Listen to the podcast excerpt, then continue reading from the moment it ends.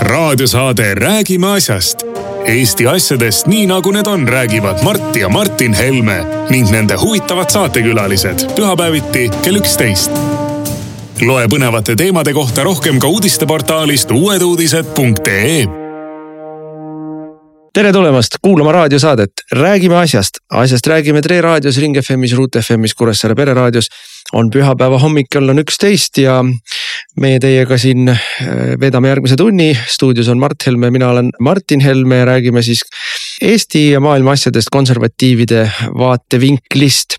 teemad on meil siis niisugused, me räägime Marti Kuusiku lõpliku, lõplikust õigest, õigeks mõistmisest ja sellest, kuidas meedia ikka teda süüdlaseks peab.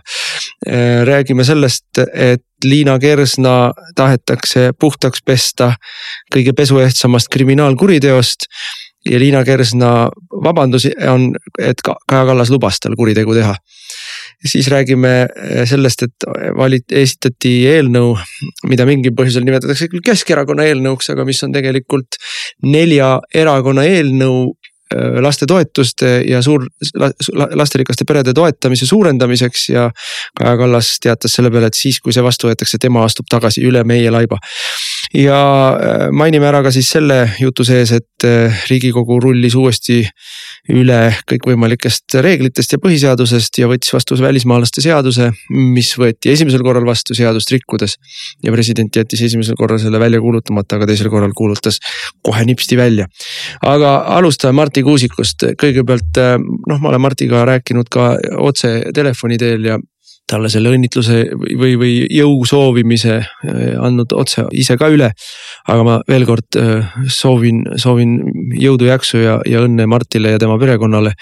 et see jälk, jälk, jälk aeg on läbi, mis talle tehti no,. see, see, seda ei ole tagasi. mina ei ole sinuga nõus, et see jälk aeg on läbi, no kui me vaatame seda, missugused olid peavoolumeedia kajastused.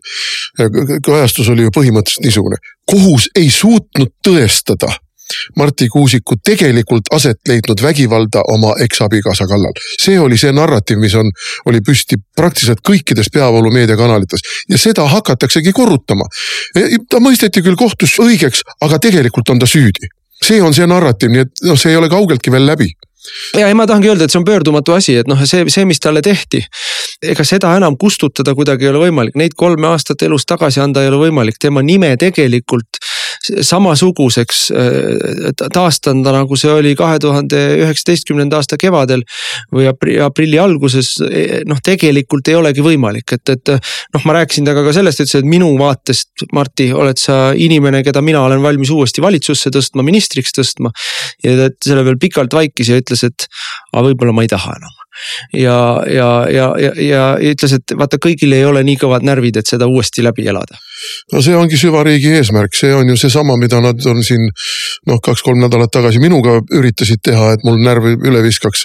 kõikide nende laimude ja minu sõnade väänamistega ja, ja mulle mingisuguste minu poolt üldse mitte välja öeldud mõtete inkrimineerimisega. sedasama üritatakse praegu teha Gerd Kingoga. sedasama on ju tehtud ka isegi otseselt poliitikas mitte olnud inimestega nagu Aivar Mäe, Martin Hallik, et kes mõisteti kohtus õigeks aga keda solgutati, keda, kes löödi meedias kõigepealt risti.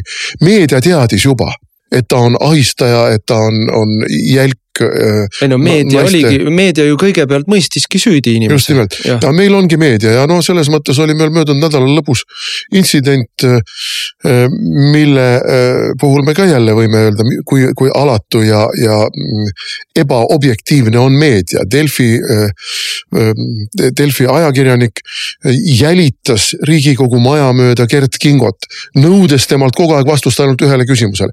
kas te kavatsete kapo komisjoni aseesimehe kohalt tagasi tagasi astuda. ja Gert ütles, et aga temale ei ole üldse ühtegi kahtlustust ega süüdistust esitatud. aga prokuratuur kinnitas meile, et nemad uurivad. aga Gert ütles, aga mulle ei ole prokuratuur midagi öelnud. mulle ei ole kaitsepolitsei midagi öelnud. mulle ei ole kriminaalpolitsei midagi öelnud. mulle ei ole midagi esitatud ja minuga ei ole räägitud. miks ma peaks tagasi astuma? no jaa, aga teiega ikka, teie asja ikka uuritakse. ja noh, Gert ütles talle selle peale, et teate, kulla ajakirjanik, teie asi ei ole Riigikogu tööd korraldada. ja, ja Gert läks sööma, see oli hetk, kus oli, oli lõunaaeg ja, ja läks kohvikusse sööma. see ajakirjanik ronis talle järele, ei lasknud kartuleid võtta, toppis oma mikrofoni vahele. lõpuks Kalle Grünthal sekkus ja viskas selle ajakirjaniku koos tema kaameramehega sealt kohvikust lihtsalt välja. aga vot see on meie ajakirjanik, aga see väljaviskamise koht oli äh, Delfis üles pandud videost välja jäetud. muide, see väide, et aga kapo või prokuratuur uurib, on väga mitmekordselt ju problemaatiline. esiteks tõesti jälle ma tulen tagasi Marti Kuusiku teema juurde. prokuratuur uuris ka Marti Kuusikut, pikalt uuris. meile ju kanti ette, kui me valitsuses olime, et prokuratuur jõuab süüdistuseni, tal on tunnistajad, siin on selge juhtum, pole midagi, prokuratuur sõna otseses mõttes valetas me, meile. kaks inimest, kes valetasid, Lavly Perling ja Elmar Vaher. me istusime, me istusime Jüri Ratase juures, et seda teemat arutada ja need olid kutsutud kohale ja mõlemad nad meile valetasid, kuidas need inimesed on olemas oma näoga, oma nimega, on andnud nõusoleku tulla tulla kohtusse tunnistama oma näo ja nimega ja neid inimesi, neid tunnistajaid pidi olema kolm või neli. ja mida nad ei öelnud, olid need, et need, need võivad küll olla prokuratuuri tunnistajad, aga need olid tunnistajad, kes ei olnud ise mitte kunagi mitte midagi näinud, nad ei olnud tunnistajad, nad olid kuulujutu rääkijad. aga kui peaprokurör ei tea et see ei, ei ole tunnistajana võetav. ei no ta lihtsalt valetas noh. siis ta ju valetas. see oli ju, see oli poliitiline nõiajaht ja niimoodi seda tulebki ja see on nüüd koht, kus eks ole meedia eh, noh, teist korda nagu siis eh, uuesti tegelikult tegi liiga.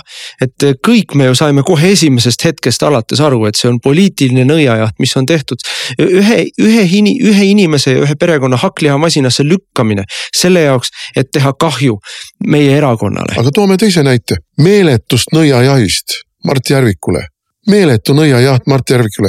missugune kisa oli, kui Mart Järvik ütles, et ta ei saa koos töötada selle reformierakondlasest kantsleriga. ei ole lihtsalt võimalik. see töötab talle vastu, see ässitab ametnikke talle vastu. see ei täida korraldusi, see kaotab dokumente, see, see võltsib dokumente, mida kõike, eks ole. ei, mõtle, ennekuulmatu, kantsler tahetakse lahti lasta. nüüd lasi Urmas Kruuse kantsleri lahti. Pole probleemi. haridusministeeriumist lasti kantsler lahti Pole probleemi, ma ei tea, Reformierakond on, on mingisugune neli kantslerit vist lahti lasknud. Pole probleemi. see lihtsalt ei ole teema. mulle tuleb meelde, kuidas Jüri Ratas noh, surmtõsise näoga. Eesti ametnikkond on professionaalne ja mina usun Eesti ametnikke ja no ja noh kui meie tahtsime ükskõik millise ametniku, kes meile küünte ja hammastega vastu töötas ja igas ministeeriumis oli selliseid päris palju, saata tootvale tööle, kohe nii eh, meedia kui ka tegelikult meie koalitsioonipartnerid lendasid peale. nüüd ei ole üldse küsimus, kui vaja on, siis on. teine koht, kus ma mõtlesin, mul lihtsalt viskas eh, täiesti, eh, viskas silme eest mustaks. Yana Toom rääkis, kuidas vägistamine on Ukrainas, ongi sõja osa ja see on relv ja see on loomulik ja nii käib ja, ja seda kasutataksegi ja kus olid kõik need inimesed, kes, kes tulid meile kallale naiste alandamise teemal ja. ja, ja, ja kuidas tuleb kaitsta, seista naiste õiguste eest ja, ja, ja samad keskerakondlased. ka Jüri Ratas ja Tanel Kiik ja, ja kes kõik neist välja hüppasid ja rääkisid sellest, kuidas, kuidas nemad seisavad naiste eest aga kui Yana Toom ütleb, et vägistamine on osa sõja taktikast venelastel ja, ja see on arusaadav ja mõistetav ja, ja noh, see noh, nii on lihtsalt mitte keegi ei tee piuksi, ükski feminist ei tee piuksu. kaasa arvatud meedia, no lihtsalt noh, kui, kui, kui, kui, kui mõni meie, meie liige oleks niimoodi öelnud, noh, meil kõik meie erakonna juhid oleks läbi käidud, kas te mõistate hukka, kõik koalitsioonikaaslased oleks läbi käidud, küsitud, kas te mõistate hukka. Mm, oleks äh, küsitud kõikidelt ministritelt, kas, kas ta saab jätkata oma ametis, kas ta saab edasi olla riigikogus, kas ta saab, nii nagu Gerd Kingolt küsitakse, kas ta saab olla edasi selles äh, kapo komisjonis, aga mina ütlen vastupidi.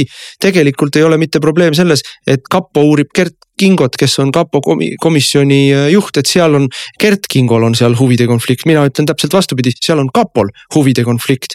et see, äh, see parlamentaarne järelevalveorgan, kes on pandud kapot kontrollima selle ühe liikme suhtes alustatakse täiesti olematu asja puhul kriminaalasi täiesti olematu asja puhul. noh, siin lihtsalt ei ole asja ja, ja et see oleks kõigile algusest saadik selge, mitte mingit alust, mitte mingiks kriminaalasjaks siin ei ole. sama kapo keeldus alustamast kriminaalasja Repinski suhtes, kus oli põhjust. Repinski selgelt kantis rahasid välja, riigi, riigikogu kuluhüvitisi kantis välja. sama kapo või sama prokuratuur ei ole praegu alustanud Liina Kersna suhtes mitte midagi. et aga näe, Gert Kingo, kes on kapo järelevalvaja, tema suhtes kapo on alustanud pealtkuulamisi ja, ja, ja jälgimisi, muide Marti Kuusiku juurde jälle tagasi tulles. Äh, jäi kehtima kohtuotsus, mis ütles selge sõnaga, prokuratuur rikkus seadust ja see on kriminaalkaristatav, äh, konkreetne seadusrikkumine. Äh, tegeledes Marti Kuusiku ja tema perekonna salajase või siis varjatud jälgimisega, rikkus seadust, aga mis nüüd saab? kes see siis, kas, kas mõni prokuratuuri liige, kas see prokurör, kes selle korralduse andis, saab trahvi või läheb kinni? mitte midagi ei saa isegi sisejuurdlust ei alustatud jah, no siin ongi küsimus selles, et, et Marti Kuusik võiks ja isegi peaks prokuratuuri ma ei tea, kohtusse andma, ma ei tea. meil pole mehhanismigi, ainus viis, kuidas tema saab prokuratuuri. ma seda hakkasingi ähkima, et ma ei tea isegi, kuidas see protseduuriliselt peaks pole, käima. Pole, pole. aga esiteks seda protseduuri ei ole ja teiseks Martiga rääkides, Marti on nii läbi jahvatatud, et ta ei taha enam, ta ei taha enam ei no isegi kui tal on võitlust veel küll ja küll sees, siis äh, küsime nüüd endalt, kas Parmase juhitud prokuratuur, noh, see mehhanism, kuidas siis, kuidas siis karistada prokuröri, kes tegeles seaduse rikkumisega kriminaaluurimise äh, raames. ja kohus on selle selgelt öelnud, et prokurör rikkus seadust, kui ta varjatud jälgimist korraldas selle mehhanism on niimoodi, et me peaksime tegema prokuratuuri kaebuse, et uurige nüüd oma prokuröri. no kas no, keegi, ja just täpselt, kas keegi usub, et see Parmase juhitud prokuratuur, kes on algusest saadik olnud samamoodi selle kogu selle kaasuse noh, entusiastlik edasi viia astmest astmesse. sest selleks ajaks, kui, kui ta esimeses astmes oli ju äh, õigeks mõistetud, Marti Kuusik, oli ju Lavly Perling lahti lastud juba ja, ja, ja Parmas oli asemel aga mindi teise astmesse, esimeses astmes sai peksa prokuratuur, mindi teise astmesse, sai peksa prokuratuur ja mindi veel edasi riigikohtusse. ja seal saadi ka peksa. nii et, aga mindi ja see oli Parmase juhitud prokuratuur, kas me usume, et kui me nüüd teeme kaebuse selle prokuröri peale või Marti Kuusik teeb kaebuse, et siis sealt noh mi, midagigi tuleb, noh ei usu ju, ei usu ju no see on see, mille kohta me võime öelda, et kõik meie riigi institutsioonid tegutsevad äh, lähtuvalt liberaalsest baaskonsensusest.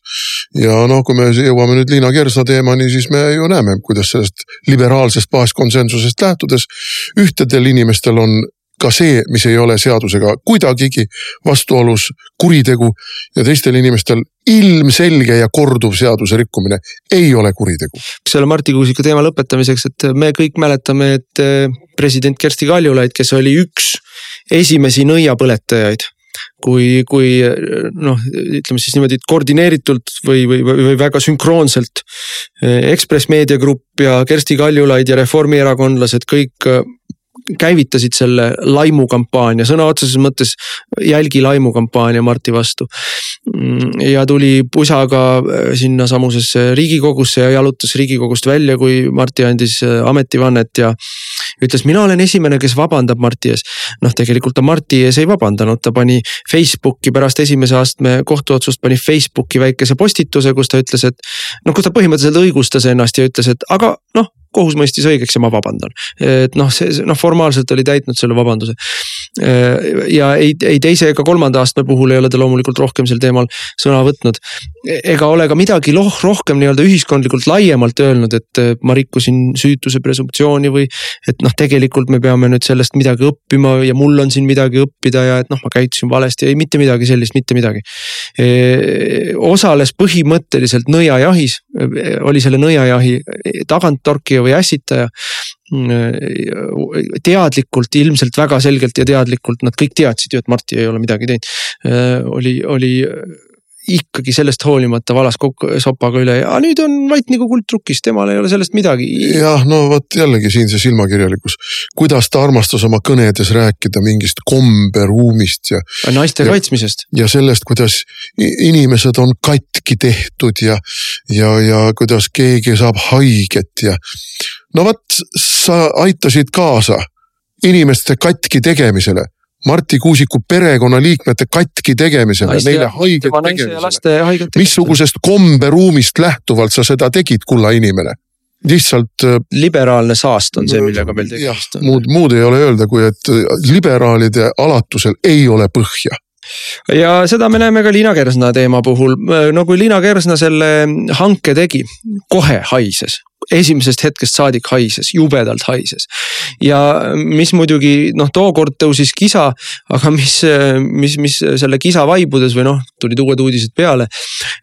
jäi märkamata tegelikult, et Liina Kersna tegi seda mitu korda et ta tegi sellisel viisil riigihanget kõige jultunumal viisil rikkudes tegi seda mitu korda, et see ei olnud üks, üks kord, kui ta läks ja ostis maksumaksja rahaga enda poolt välja valitud firmast turuhinnast kordades kallimaid ja lastele alati sugugi mitte kõige paremini sobivaid teste, vaid ta tegi seda mitu, mitu korda. ja ausalt öeldes ma olin kergelt üllatunud, kui ma lugesin uudist, et rahandusministeerium menetles seda ja leidis, et tegemist on rikkumisega, riigihanke rikkumisega ja siin on lausa väärtegu. Ja noh, sest et noh, kõik me mõtleme, et rahandusministeerium on, on rahandusminister ja rahandusminister on Liina Kersna erakonnakaaslane Keit Pentus-Rosimannus, aga mis meelest läheb inimestel on see, et rahandusministeeriumis on kaks ministrit ja üks on äh, Liina, tähendab, vabandust, Liina Kersna erakonnakaaslane Keit Pentus-Rosimannus, aga teine on keskerakondlane Jaak Aab ja Jaak Aab, loomulikult tüüpilised need sellised väiksed parteilised mängud. Jaak Aab maksis kätte Mailis Repsi eest, kui Liina Kersna lasi Mailis Repsi suhtes äh, siis äh, algatada sisejuurdlused haridusministeeriumis ja sealt tulid mingid tsiviilhagid ja trahvid ja asjad.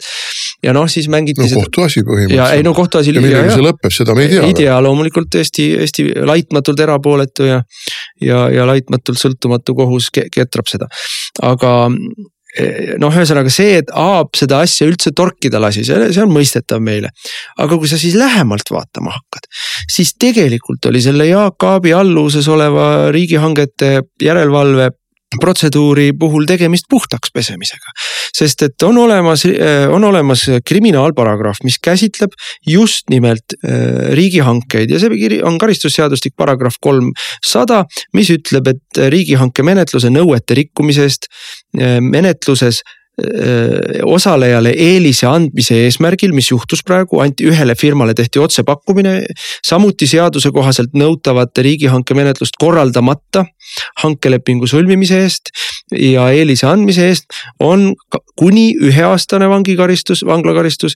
ja sama eest, kui hanke maksumus või sõlmitud hankeleppe maksumus on eriti suur, mis seekord juhtus, on kuni viieaastane vanglakaristus. noh, siin ei ole mingisugust halli ala, siin ei ole mingit halli ala, see on konkreetne kriminaalparagrahv, paragrahv kolmsada, kes tahab järgi vaadata. ja see on äh, täpselt see, mida Liina Kersna tegi, ta ei korraldanud hanget ta tegi pakkumise ühele konkreetsele firmale ehk tegi kellelegi sooduspakkumise, see sooduspakkumine tähendab seda, et keegi äh, firmadest sai riigi käest paremat hinda, soodsamat hinda, kui oleks ena-, noh, ütleme siis konkurentsitingimustes saadud. ja see on puhas kriminaal, kriminaalasi, aga näe, Jaak Aab esitles seda meile, et no sai veidi müratud, noh läksin natuke nihu. Ja teeme trahvi tuhat kakssada. no väärteona jah, mille eest on tuhat kakssada eurot trahv, noh loomulikult tuhat kakssada eurot äh, trahvi ei ole ministri palga juures ületamatu trahvisumma. esiteks, teiseks ma ei ole üldse kindel, et seda ei oleks maksnud tema eest ära erakond. Ja, ja kolmandaks, sellega oleks olnud kaasus lõpetatud, aga oleks loodud ka pretsedent, et nii saabki teha. nii saabki teha, no jääd vahele. No mis seal ikka, väärtegu, maksame väikse trahvikese ära, aga omad on saanud. ja et kuulajad teaksid. kuule, et kuulajad teaksid, ühe hanke puhul oli jutt enam kui viiest miljonist ja teise hanke puhul enam kui kolmest miljonist. kokku kaheksa koma kolm miljonit, kaheksa koma kolm miljonit. see ei ole peenraha ja toome nüüd siia kõrvale Gert Kingo keda süüdistatakse selles, et ta on suures ulatuses seadusevastaselt kulutanud oma kuluhüvitisi. suures ulatuses, vabandust. ta on, kui ma õigesti mäletan, kolmele erakonnakaaslasele ta, ta, ta on kulutanud oma kuluhüvitisi. vaata kuluhüvitistega on hästi lihtne asi, see seaduses on kirjas, kuluhüvitis on tööga seotud kulude eest ja seal on noh, lihtsalt ette nähtud ka missugustesse kategooriatesse lähevad, esinduskulud lähevad, sul on seal transpordikulud, sul on seal lähetuskulud, erinevad asjad, mida saab kulutada. uuringud, näiteks keeleõpet saab kuluhüvitiste eest teha, eluaeg on saanud teha ja, ja, ja, ja me räägime Gerd Kingo puhul mõnest tuhandest eurost, mida nüüd praegu siis kedratakse. aga seal on öeldud ka, et sa võid seda õigusabi. ja, ja, ja tema tellis, tema tellis õigusabi jah, just nimelt. see on täiesti seaduslik. ei ole, vähemalt siiamaani ei ole keegi kunagi öelnud, et nii ei tohi teha. aga kuuest tuhandest eurost räägime ja siis kõrval on kaheksa koma kolm miljonit. ja on selgelt öeldud, et need testid, mille Liina Kersna hankis, olid rohkem kui kaks korda kallimad, kui äh, turult saadavad äh, olid. see tähendab, et sellest kaheksast koma kolmest miljonist vähemalt neli, neli või viis miljonit keegi teenis hõlptulu sellepärast, et Liina Kersna läks kellegi juurde ja ütles, ma ostan sinult. ja see on viis miljonit riigieelarve raha või neli pool miljonit riigieelarve raha on võetud ministri otsusega ja kellelegi kingitud. ja, ja ja selle kohta öeldakse, teeme tuhat kakssada eurot trahvi, sama lugu oli, eks ju, ju siin selle kobarkäkiga, kus ju lendas vastu taevast seitse miljonit eurot. ja keegi mitte keegi, mitte keegi ei uuri isegi, prokuratuur ei uuri, kapo ei uuri, mitte keegi ei uuri, öeldakse no. lihtsalt, et ups tehti meil ju jälle asjatundjate komisjon, mida juhtis laitmatu renomeega inimene, kes, kes alati täidab tellimust, poliitilist tellimust. ja, ja kes jõudis lõppjäreldusele, ei olnud võimalik selgeks teha, et süüdlasi oli nii palju, et tõelist süüdlast ei olnud võimalik välja selgitada, no kujutad sa ette no aga siis äh, tuleb kõik äh, kahtlusaluseks kuulutada ja, ja, ja nende suhtes noh, selle jaoks tulebki alustada kriminaaluurimine. et noh, see on, aga mina noh, olen täiesti selgelt näen, et äh, Gert Kingo teemat kedratakse selle jaoks, et Liina Kersna teema nii-öelda oleks vähem nähtav. no siin on, see on selles mõttes mitmekihiline, et siiamaani on ju käsitletud kuluhüvitist, mis avalikkust üldiselt ärritab ja ma saan aru, et avalikkust see ärritab ja, ja veel kord kinnitan üle, et meie fraktsiooni liikmed ei liisi kuluhüvitistega autosid, mida teevad kõik teised. kõik teised ostavad nelja aasta jooksul endale uue auto välja kuluhüvitiste eest, meie seda ei tee. et see, see on üks väga põhiline, põhimõtteline vahe. meie kulutame seda tõepoolest poliitika tegemiseks. mida ma tahan kuluhüvitistega seoses öelda, et siiani no ei ole tikutulega, tikutulega aetud ja ajakirjandus on siin võtnud teinekord, et aga miks selle mingisuguse õhtusöögi või lõunasöögi juures oli ka alkohol, keegi jõi õlut või noh, mingisugused sellised tühised nokkimised. aga põhimõtteliselt seda ei ole võetud, aga kui nüüd on võetud päevakorda ühiskonnas noh, nii-öelda korra majja löömine kuluhüvitistega seoses, siis tuleb kuluhüvitiste osas kord majja lüüa ka, ka mm, Valdo Randpere kuluhüvitistega, kes on aastaid käinud kuluhüvitiste raha kasutades Tais, Birmas, noh kogu seal Kagu-Aasias.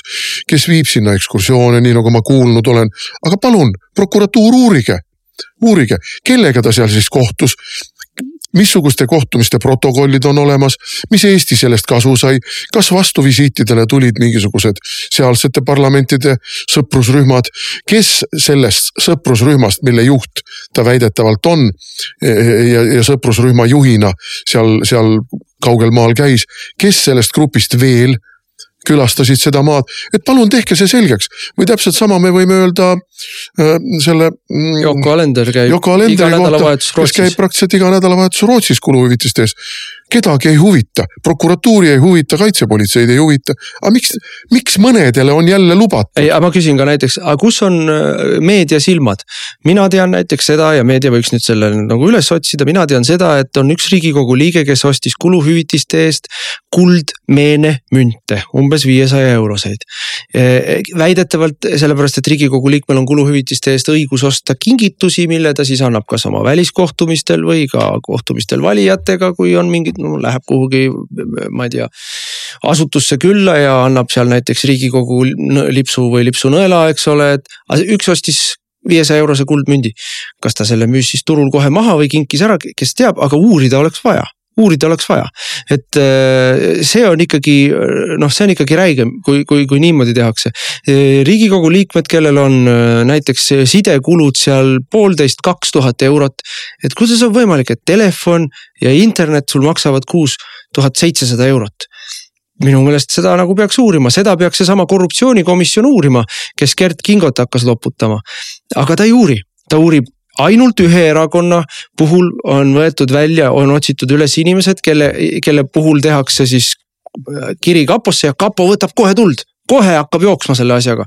ja samal ajal, eks ole, kui meie tegime veel, fraktsioon tegi kirja riigikogu juhatusele, riigikogu kantseleisse. et kuulge, see, et Martin Repinski sõidab äh, riigikogu kuluhüvitise eest, paneb endale kütust autosse ja sõidab taksot. et see ei ole kuluhüvitistega kooskõlas, see, et ta üürib kuluhüvitiste eest korterit Tallinna külje all ja siis selle korteri üürib edasi ja selle raha paneb taskusse, see ei ole kuluhüvitiste korraga kooskõlas. selle peale kantselei vastas meile, et ei, et see on nii-öelda poliitilise kultuuri küsimus ja, ja siin ei ole reegleid, mis seda põhimõtteliselt keelaks teha ja, ja kui saadik on kinnitanud, et see on tema tööga seotud kulu, siis nii on. ja muide, nii ongi, mulle on alati räägitud, ma olen seitse aastat riigikogus olnud, mulle on alati räägitud, kui saadik suudab ära näidata, et tema kuluhüvitis oli tema tööga seotud kulu siis nii on. et kas sa said öösel kell kaks purksiputka taga kokku kellegiga ja rääkisid oma valijaga juttu, siis, siis selle purksi arve eest sa võid kuluhüvitistesse minna, sest et sa tegid tööd valijatega.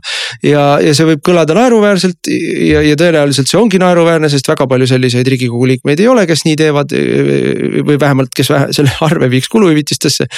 aga, aga põhimõtteliselt selles mõttes see on alati olnud kuluhüvitiste e-, kõige peamine loogika. nüüd on hakatud siin kriminaalasju tekitama sellest sellest ja ainult ühele erakonnale, ainult ühele erakonnale ma ütleks, tooksin ühe näite, ma käisin hiljaaegu Pärnus ja ööbisin seal. ja kuna ma ööbisin hotellis, kus on, on, on ka spa, ma spaad ei kasutanud muide siis ma otsustasin, et ma ei esita seda kuluhüvitistest seda arvet, sest et siis hakatakse nokkima. kuidas näe, kuluhüvitiste eest käis spaas. no ma ei käinud spaas, mul oli kohtumine inimestega, tõepoolest mingi sada inimest oli, oli mul saalis, kellega ma kohtusin.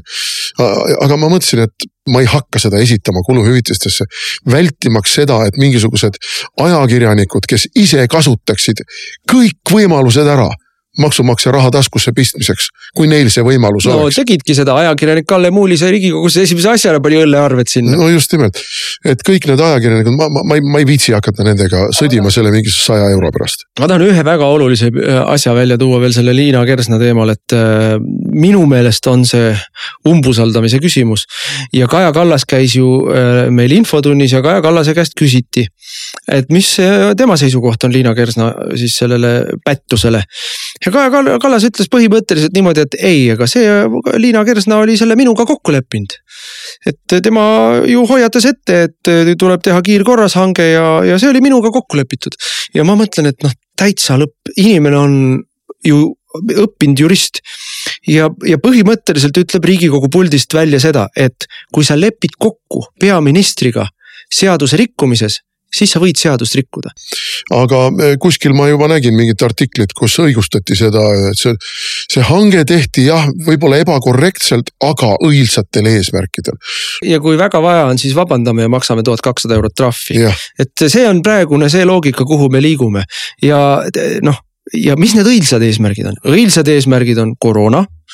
Õil-, õilsad eesmärgid on Ukraina toetamine, et nendel eesmärkidel võib Eestis seadust rikkuda, eriti kui sa oled selle eelnevalt kokku leppinud peaministriga. ja siis ma küsin, et aga miks meil üldse mingid seadused on? või noh, miks minule ja sinule ja Kert Kingole seadused peavad kehtima, aga Liina Kersnale ja Kaja Kallasele ei pea kehtima? ei, mitte meie puhul ei kehti seadused, meie puhul on võimalik seadusi tõlgendada nii need on käsitletavad süüdimõistvatena. mis sellest, et äh, seaduses ei ole öeldud, et sa ei tohi kulutada kuluhüvitisi äh, selle asja peale konkreetselt. vaid vastupidi, sealt võib välja lugeda, et sa võid selle, seda ja, teha. ja varem on alati võinud. ja varem on seda kõik teinud. Äh, no ei ole Gert esimene, kes õigusabi peale raha kulutas. Neid samu kuluhüvitisi. aga vaat teatud inimeste puhul on see keelatud ja see teatud inimeste puhul algab kriminaalasi, Marti Kuusiku puhul algas kriminaalasi. ja Gert Kingo puhul algas kriminaalasi, aga kui Liina Kersna kokkuleppel eh, on loa saanud eh, valitsejalt.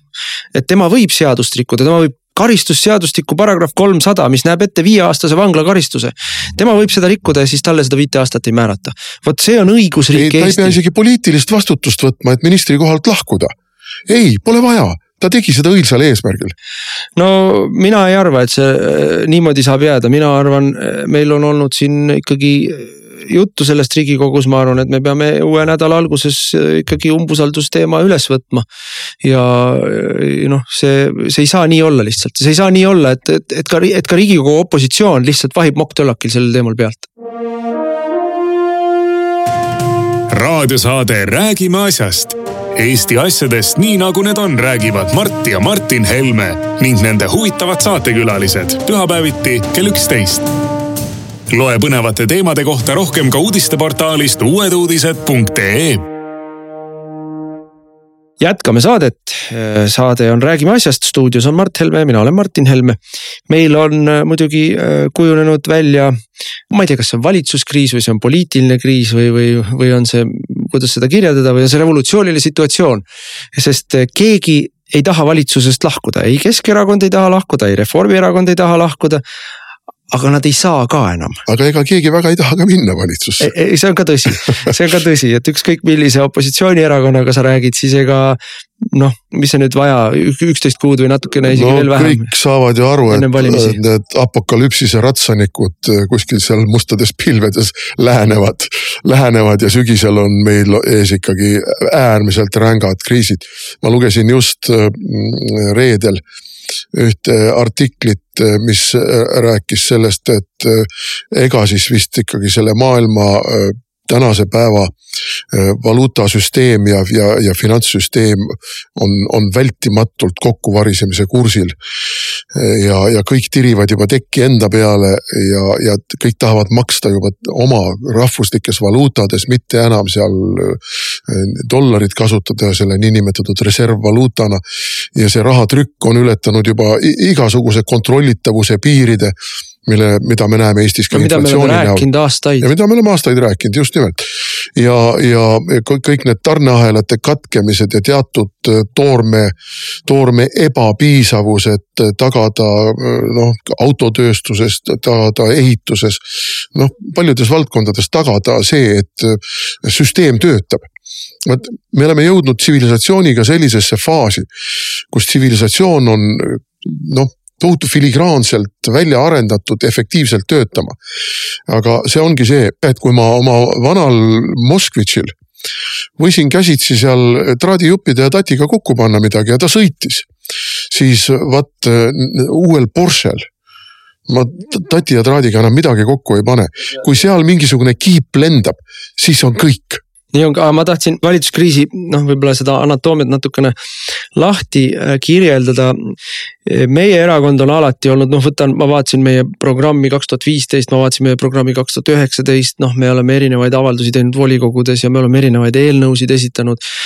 noh, me oleme alati olnud Eesti iibe äh, teemal, noh, tõesti see on meie jaoks teema olnud alati, me oleme kogu aeg tahtnud Eesti iivet toetada e, e, tervet peret toetada. perepoliitika on meile olnud väga-väga oluline teema. ja, ja noh, meil on väga mitmeid väga konkreetseid ettepanekuid olnud. Nüüd eh, need konkreetsed lastetoetuste tõstmise plaanid, millega siis nüüd sellel neljapäeval, eh, mis riigikogule üle anti eelnõu näol. Need on olnud eelkõige Isamaa ettepanekud, aga samamoodi on neid ettepanekuid teinud ka Keskerakond ja, ja noh, meie jaoks on need väga sümpaatsed nii et noh, meile see eelnõu meeldib igal juhul ja me panime sinna kohe ilma kõhkluseta oma käe alla. nüüd see, see, see taust on selline, et Keskerakond, miks üldse venis riigieelarve tulemine Riigikogusse? sellepärast, et Keskerakond ja Reformierakond väga pikalt, väga rängalt vaidlesid mis asju üldse riigieelarvesse sisse panna, kuidas mingeid asju rahastada. ja, ja tulemus oli põhimõtteliselt selline, et praktiliselt kõik, mida tahtis Reformierakond, saadi eelarvesse sisse. ja praktiliselt väga vähe sellest või peaaegu üldse mitte midagi sellest, mida tahtis no, Keskerakond ja peenraha pandi, sai Keskerakond. ehk siis kogu see eelarveprotsess, noh loomulikult rahandusminister ja peaminister on ka kes-, Reformierakonnast ja, ja teised ministrid no ma ütlen ka, et Keskerakonna ministrid on kõik nõrgad, kõik Viimseni on nõrgad, noh.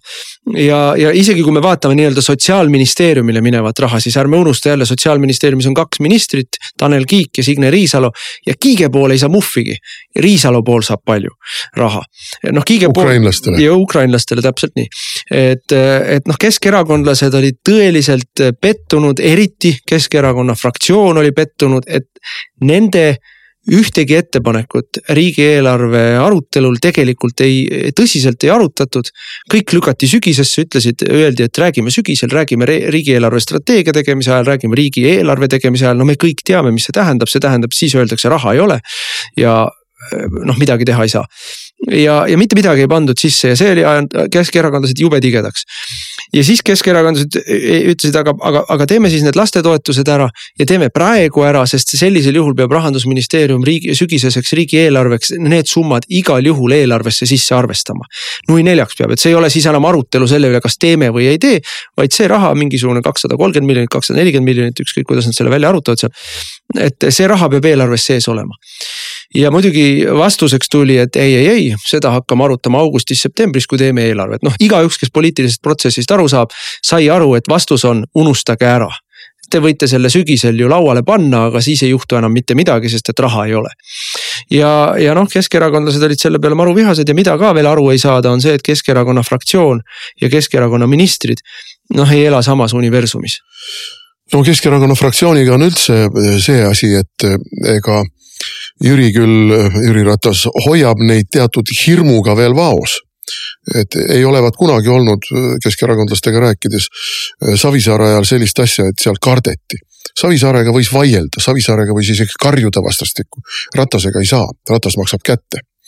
aga on tekkinud olukord, kus Vene saadikud, keda on Riigikogu fraktsioonis ju mingisugune pool tosinat ümmarguselt, on sõna otseses mõttes akna alla minemise ääre peal. no veel mõned, veel mõned, mina ütleksin, et see on nihuke kaheksa kuni kümme. ja siis on seal inimesed, kes on selgelt öelnud, et nemad rohkem ei kandideeri enam. järelikult nende survestamine on ka praktiliselt võimatu. et aga millega sa survestad inimest, kes ütleb, et ma istun selle üheksa kuud veel isegi suvekuud maha arvata, pool aastat veel siin nokin nina, eks ole, ja, ja käin kohvikus äh, kohvi joomas ja saia söömas. ma praktiliselt riigikogu tööst osa ei võta, mind ei huvita, aga kui mulle ei meeldi midagi, siis mind enam sa kamandada ei saa, sest ma teen, mis ma tahan, sul ei ole minu üle enam võimu ja nojah, ütleme siis, et riigikogu fraktsioon Keskerakonnal on kakskümmend viis saadikut ja sellest umbes kümme on sellised, kes on noh, täiesti selgelt mässumeelsed. ja ma ei tea, mis see ülejäänud äh, seltskond, ega see ka ei ole noh, ühe vitsaga löödud, et seal on erinevaid meelsusi. ühesõnaga, milles on, milles on põhiiva, põhiiva on selles, et, et antud juhul äh, fraktsioonis ei olnud enam võimalik hoida kinni mingit algatust, mis oli nii-öelda hammaste näitamine Reformierakonnale, et Keskerakonna fraktsiooni, see oli meeleheite samm mõnes mõttes, et ma siin ei taha õigustada või, või, või, või kuidagi, aga ma lihtsalt noh, kirjeldan. et, et Keskerakonna fraktsioonis on selline suhtumine, et, et niisugusel moel käitudes on ainus variant, et, et Reformierakond meiega üldse räägib ja eh, noh, loomulikult seal on risk ka, et niipea kui läheb eh, ükskõik milline eh, koalitsioonierakond läheb väljaspoolt koalitsiooni otsima toetust mõnele oma eelnõule, siis on ju selge, et koalitsioon on noh, omadega lõhki. Ja, ja noh, see situatsioon on, aga samal ajal on situatsioon, et ega keegi, ega ke, kellelgi alternatiivplaani ka ei ole. ei taha Keskerakond ära minna valitsusest, ei taha Reformierakond ära minna valitsusest, Reformierakonnal ei ole asemel uut enamusvalitsust. Isamaa ei ole huvitatud asjast, sotsid muide on oluliselt vähem huvitatud asjast, kui kõik, kõik arvavad, sest sotsidel tuleb meeles pidada, on ju koalitsioonilepe Tallinnas.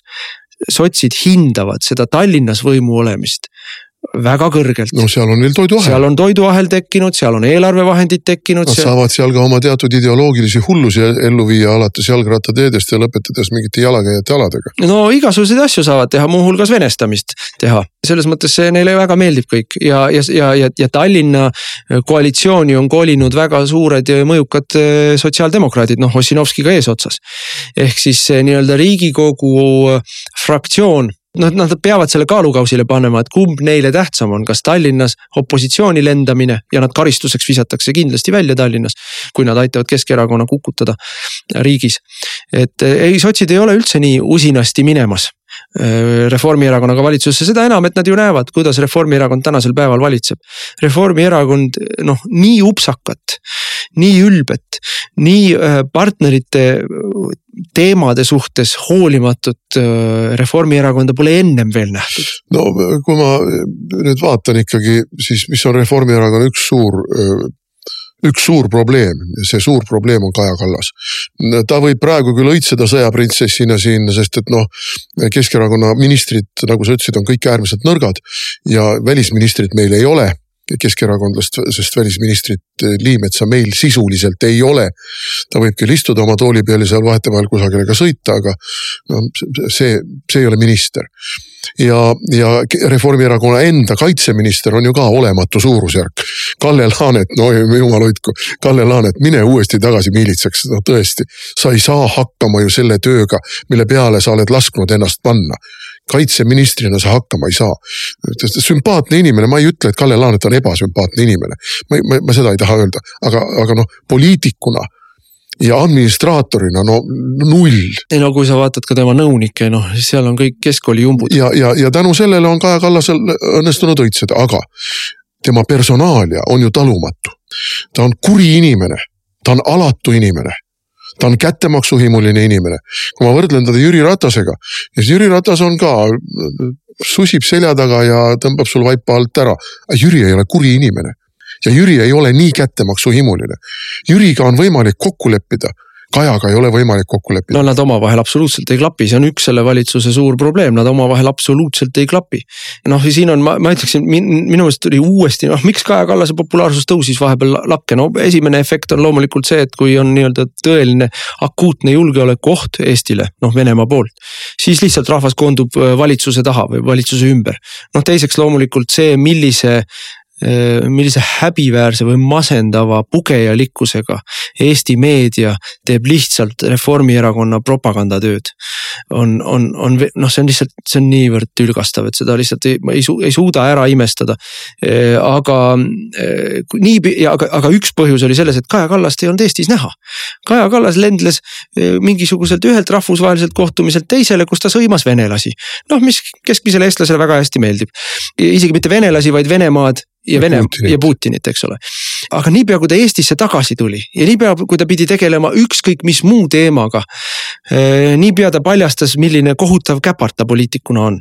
käpard ja ülbik. käpard ja ülbik, täpselt sellesama eh, lastetoetuse eelnõuga, no ma ei suuda ära imestada on aegade suurim hinnašokk on Eestis, aegade suurim, üheksakümne kuuendast aastast ei ole nii kiiresti Eesti inimeste sissetulekud kahanenud, reaalsissetulekud kahanenud. aastaga on teie palk jäänud väiksemaks kakskümmend protsenti inflatsiooni tõttu, kakskümmend protsenti on jäänud inflatsiooni tõttu teie palk väiksemaks, pension ka.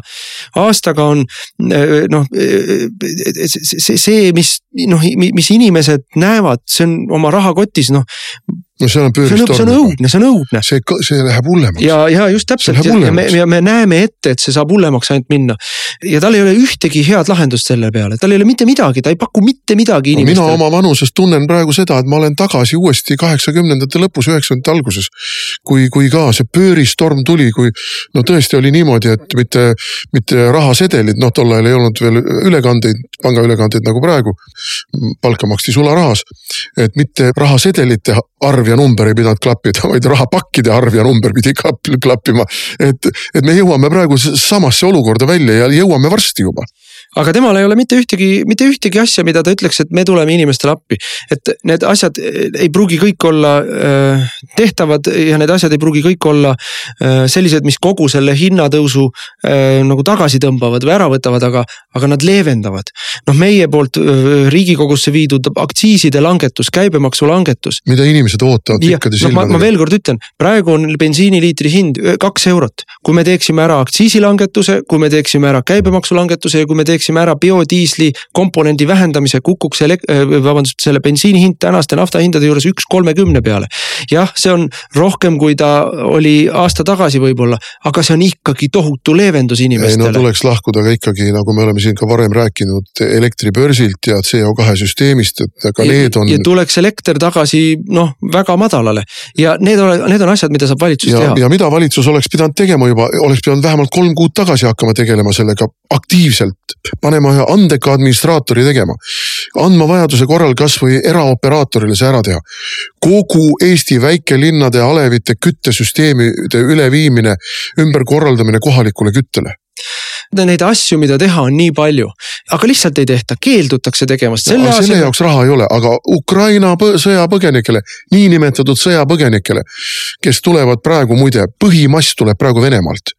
põhimass tuleb Venemaalt, muide tšehhid teatasid, nad ei võta enam Venemaa kaudu tulnud sõjapõgenikke, Ukraina sõjapõgenikke. sest et nad on julgeolekurisk. ameeriklased ka. aga meil ei ole probleemi, meil ei ole probleemi, tulge kõik nagu selles Sõnajalgade laulus, tulge kõik. ja sellises olukorras siis lastetoetuste tõstmine, lastetoetuste indekseerimine, suurelapseliste perede toetuse tõstmine eh, on üks asi, mida me saame teha Eesti inimeste aitamiseks, väga oluline asi, see ei ole väike asi. ja see ja selle, mida ütleb Kaja Kallas selle peale, et kui te selle seaduse vastu võtate, siis mina astun tagasi.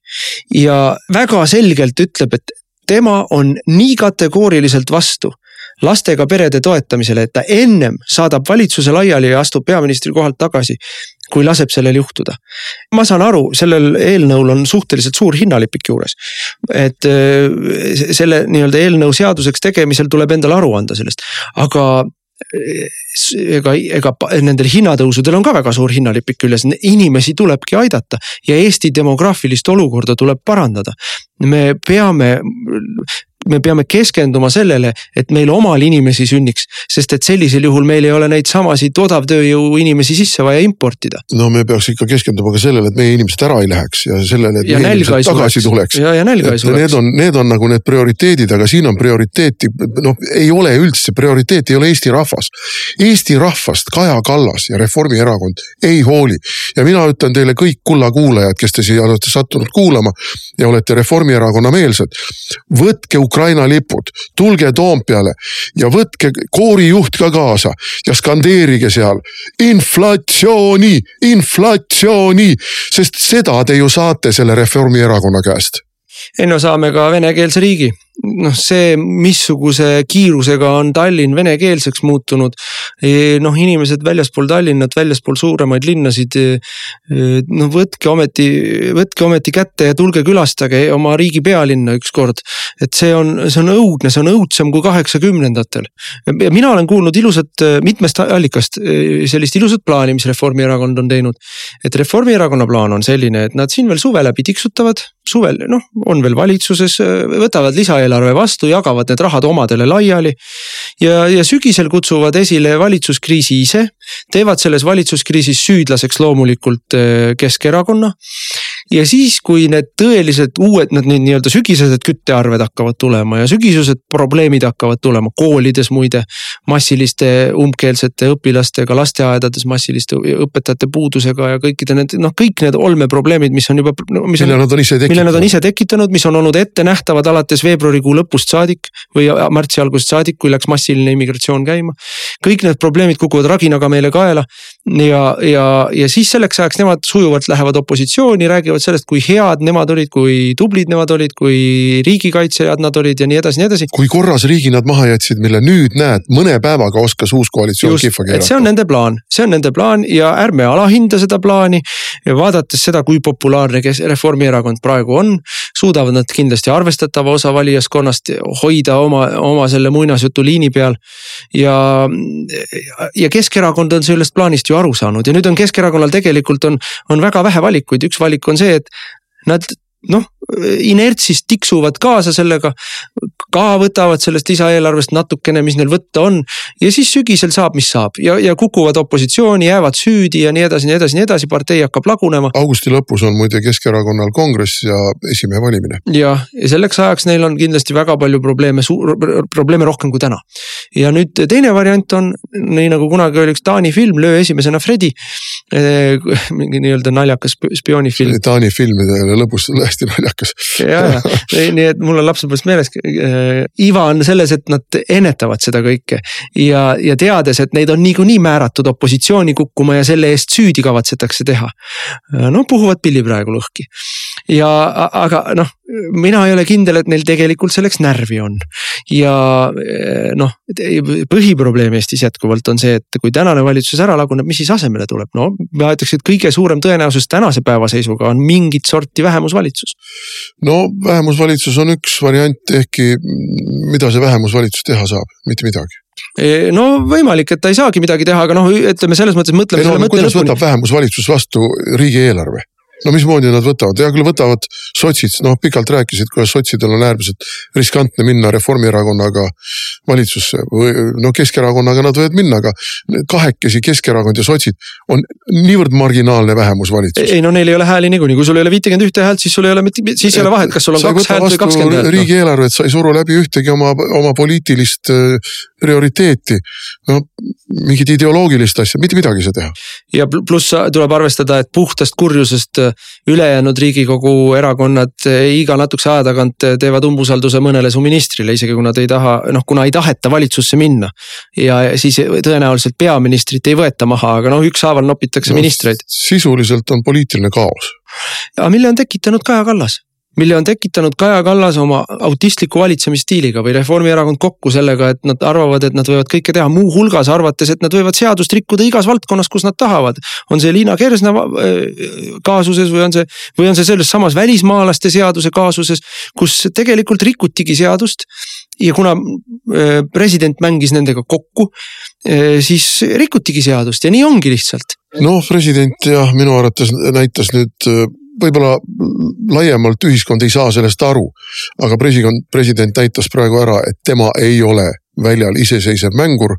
tema on statist, kellele öeldakse, mida tohib, kuidas tohib. mine sinna, tee seda, mine sinna, too seda. noh, tegelikult mängis maha oma võimaluse olla poliitilisel mänguväljal iseseisev arbiiter ja, ja luua endale autoriteet, nagu tegi seda Lennart Meri. Ja sest, et noh, tegelikult mina ei, mina ei tea, kuidas on võimalik seda ära põhjendada, noh, kasvõi iseenda jaoks või ka avalikkuse jaoks, aga avalikkuse jaoks ei ole üldse probleem. seepärast, et noh, meedia noh, nii nagu me siin kunagi rääkisime, et skandaal on skandaal siis, kui, kui kõik lepivad kokku, et see on skandaal, aga praegu on kõik leppinud kokku, et see ei ole skandaal. et välismaalaste seaduse kaks korda riigikogus läbimenetlemine niimoodi, et rikuti kodukorraseadust ja selle läbi rikuti põhiseadust. ei, ei, ei, ei ole skandaali, ei huvita kedagi. no presidendi kantselei juures me näeme ka seda, et meil tegelikult presidendiks on Toomas Sildam. et saatiski süvariik, saatis oma politrukki äh, Kadriorgu ja politrukil kuidagi libises äh, radari alt läbi see, et esimene kord president jättis välja kuulutamata välismaalaste seaduse ja teinekord võeti asjal turjast kinni ja öeldi, et sellist asja rohkem olla ei tohi. muide, minu äh, andmetel äh, üks põhjus, miks riigikogu esimesel korral tuima pani niimoodi, oli see, et presidendi kantselei ametnikud olid lubanud riigikogu ametnikele. et president kuulutab juba esimesel korral selle välja, aga võta näpust, president esimesel korral ei teinud nii, nagu ametnikud olid kokku leppinud.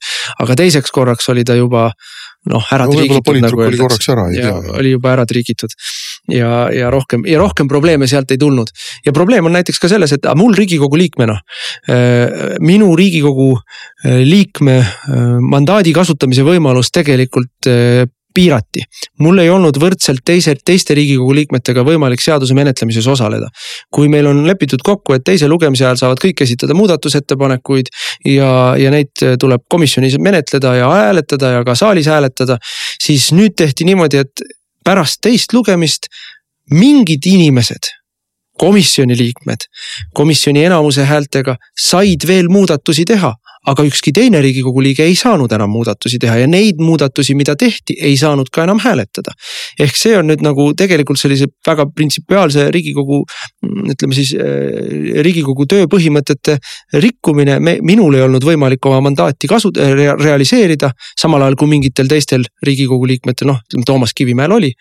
Ja eh, ei olnud riigikogu liikmete võrdset kohtlemist, noh, seesama liberaalne seltskond, kes kogu aeg räägib võrdsest kohtlemisest, võrdsest kohtlemist, nüüd silm ka ei pilkunud. ei ole võrdset kohtlemist, meil on, meil on välja valitud inimesed, kes võivad, kes saavad kellele on lubatud rohkem kui teistele. no mis me kokkuvõttes võime muidugi kõige selle kohta öelda, et aga, aga see oligi ju see mäng, mis käis ka äh, presidendivalimiste ajal. noh, sooviti meile sokutada seda Soomeret, kelle puhul oli ka teada, et ta on laitmatult äh, truu liberaal. kuulekas, kuulekas. ja kuulekas, no seal tekkisid komplikatsioonid, no natukene aega otsiti, soriti kartoteekides, failides ja, ja siis tuldi välja järgmisega ja kes täpselt samamoodi võidi kindlad olla, et on truu bolševik noor trummilööja meie ees sammub ja, ja me võime alati kindlad olla, et ta läheb kasvõi surma, kui tal kästakse. olgu see poliitiline surm või reaalne surm, aga, aga läheb ja, ja, ja nad said sellise presidendi ja nüüd praegu me nägime välismaalaste seaduse kontekstis esimest korda. siiani õnnestus tal jätta mulje, et noh, et ma olen sihuke muhe papi. et ma noh, ma ikka mängin presidenti teile siin. aga nüüd ta näitas ära, et, et ta mängib presidenti, ta mängibki presidenti ja ta teeb seda, mida tal teha kästakse. mitte seda, mida ütlevad talle seadused, millede viimane kaitsemüür eh, kohtute väliselt ta on ja, aga seda kaitsefunktsiooni ta ei täitnud, ta ei täitnud lõpuni vähemalt. ja siin on mul muidugi ka väga, väga ränk etteheide Keskerakonnale, noh Keskerakonnale kandiku peal. anti võimalus see seadus noh tagasi lükata või mitte selle poolt hääletada, sest et noh puust ette ja punaseks oli selge, et see on seaduse rikkumine. ja üks põhjus, miks ma ütleksin, et täna mingisugust valitsuslagunemise ohtu ei ole, on see, et Keskerakond teadis, meie ütlesime väga selgelt välja, kui te selle seaduse läbi surute, siis meil ei ole mõtet Keskerakonnaga rääkida siinpool valimisi mingist koalitsiooni tegemisest. et kui te tegelete Eesti rahvusriigi hävitamisega nii innukalt, eh, nii eh, usinasti, kõiki eh, võimalusi ka ära kasutades, siis noh, meie ei saa kokku leppida, sest et ükskõik millise järgmise valitsuse meie teeme, me ju läheme seda vali, välismaalaste seadust muutma. et me läheme seda immigratsiooni noh, oluliselt piirama. ja noh, ma ei kujuta ette, et kui ütleme, ütleme, et tänane valitsus laguneb ja, ja, ja hakatakse tegema uut koalitsiooni et siis tuleb Keskerakond sellesse koalitsiooni või ka Reformierakond sellesse koalitsiooni ja on nõus sellesama välismaalaste seaduse mitte lihtsalt tagasi pöörama, vaid oluliselt rangemalt piirama äh, immigratsiooni. no Keskerakonna puhul ma ütlen, nad on nii põhimõttelagedad, et äh, nad on nõus äh,, nad on nõus põhimõtteliselt selle seaduse tühistama uue seadusega nii-öelda enda näo päästmiseks, kus on noh, üheksakümmend protsenti meie nõudmised sees.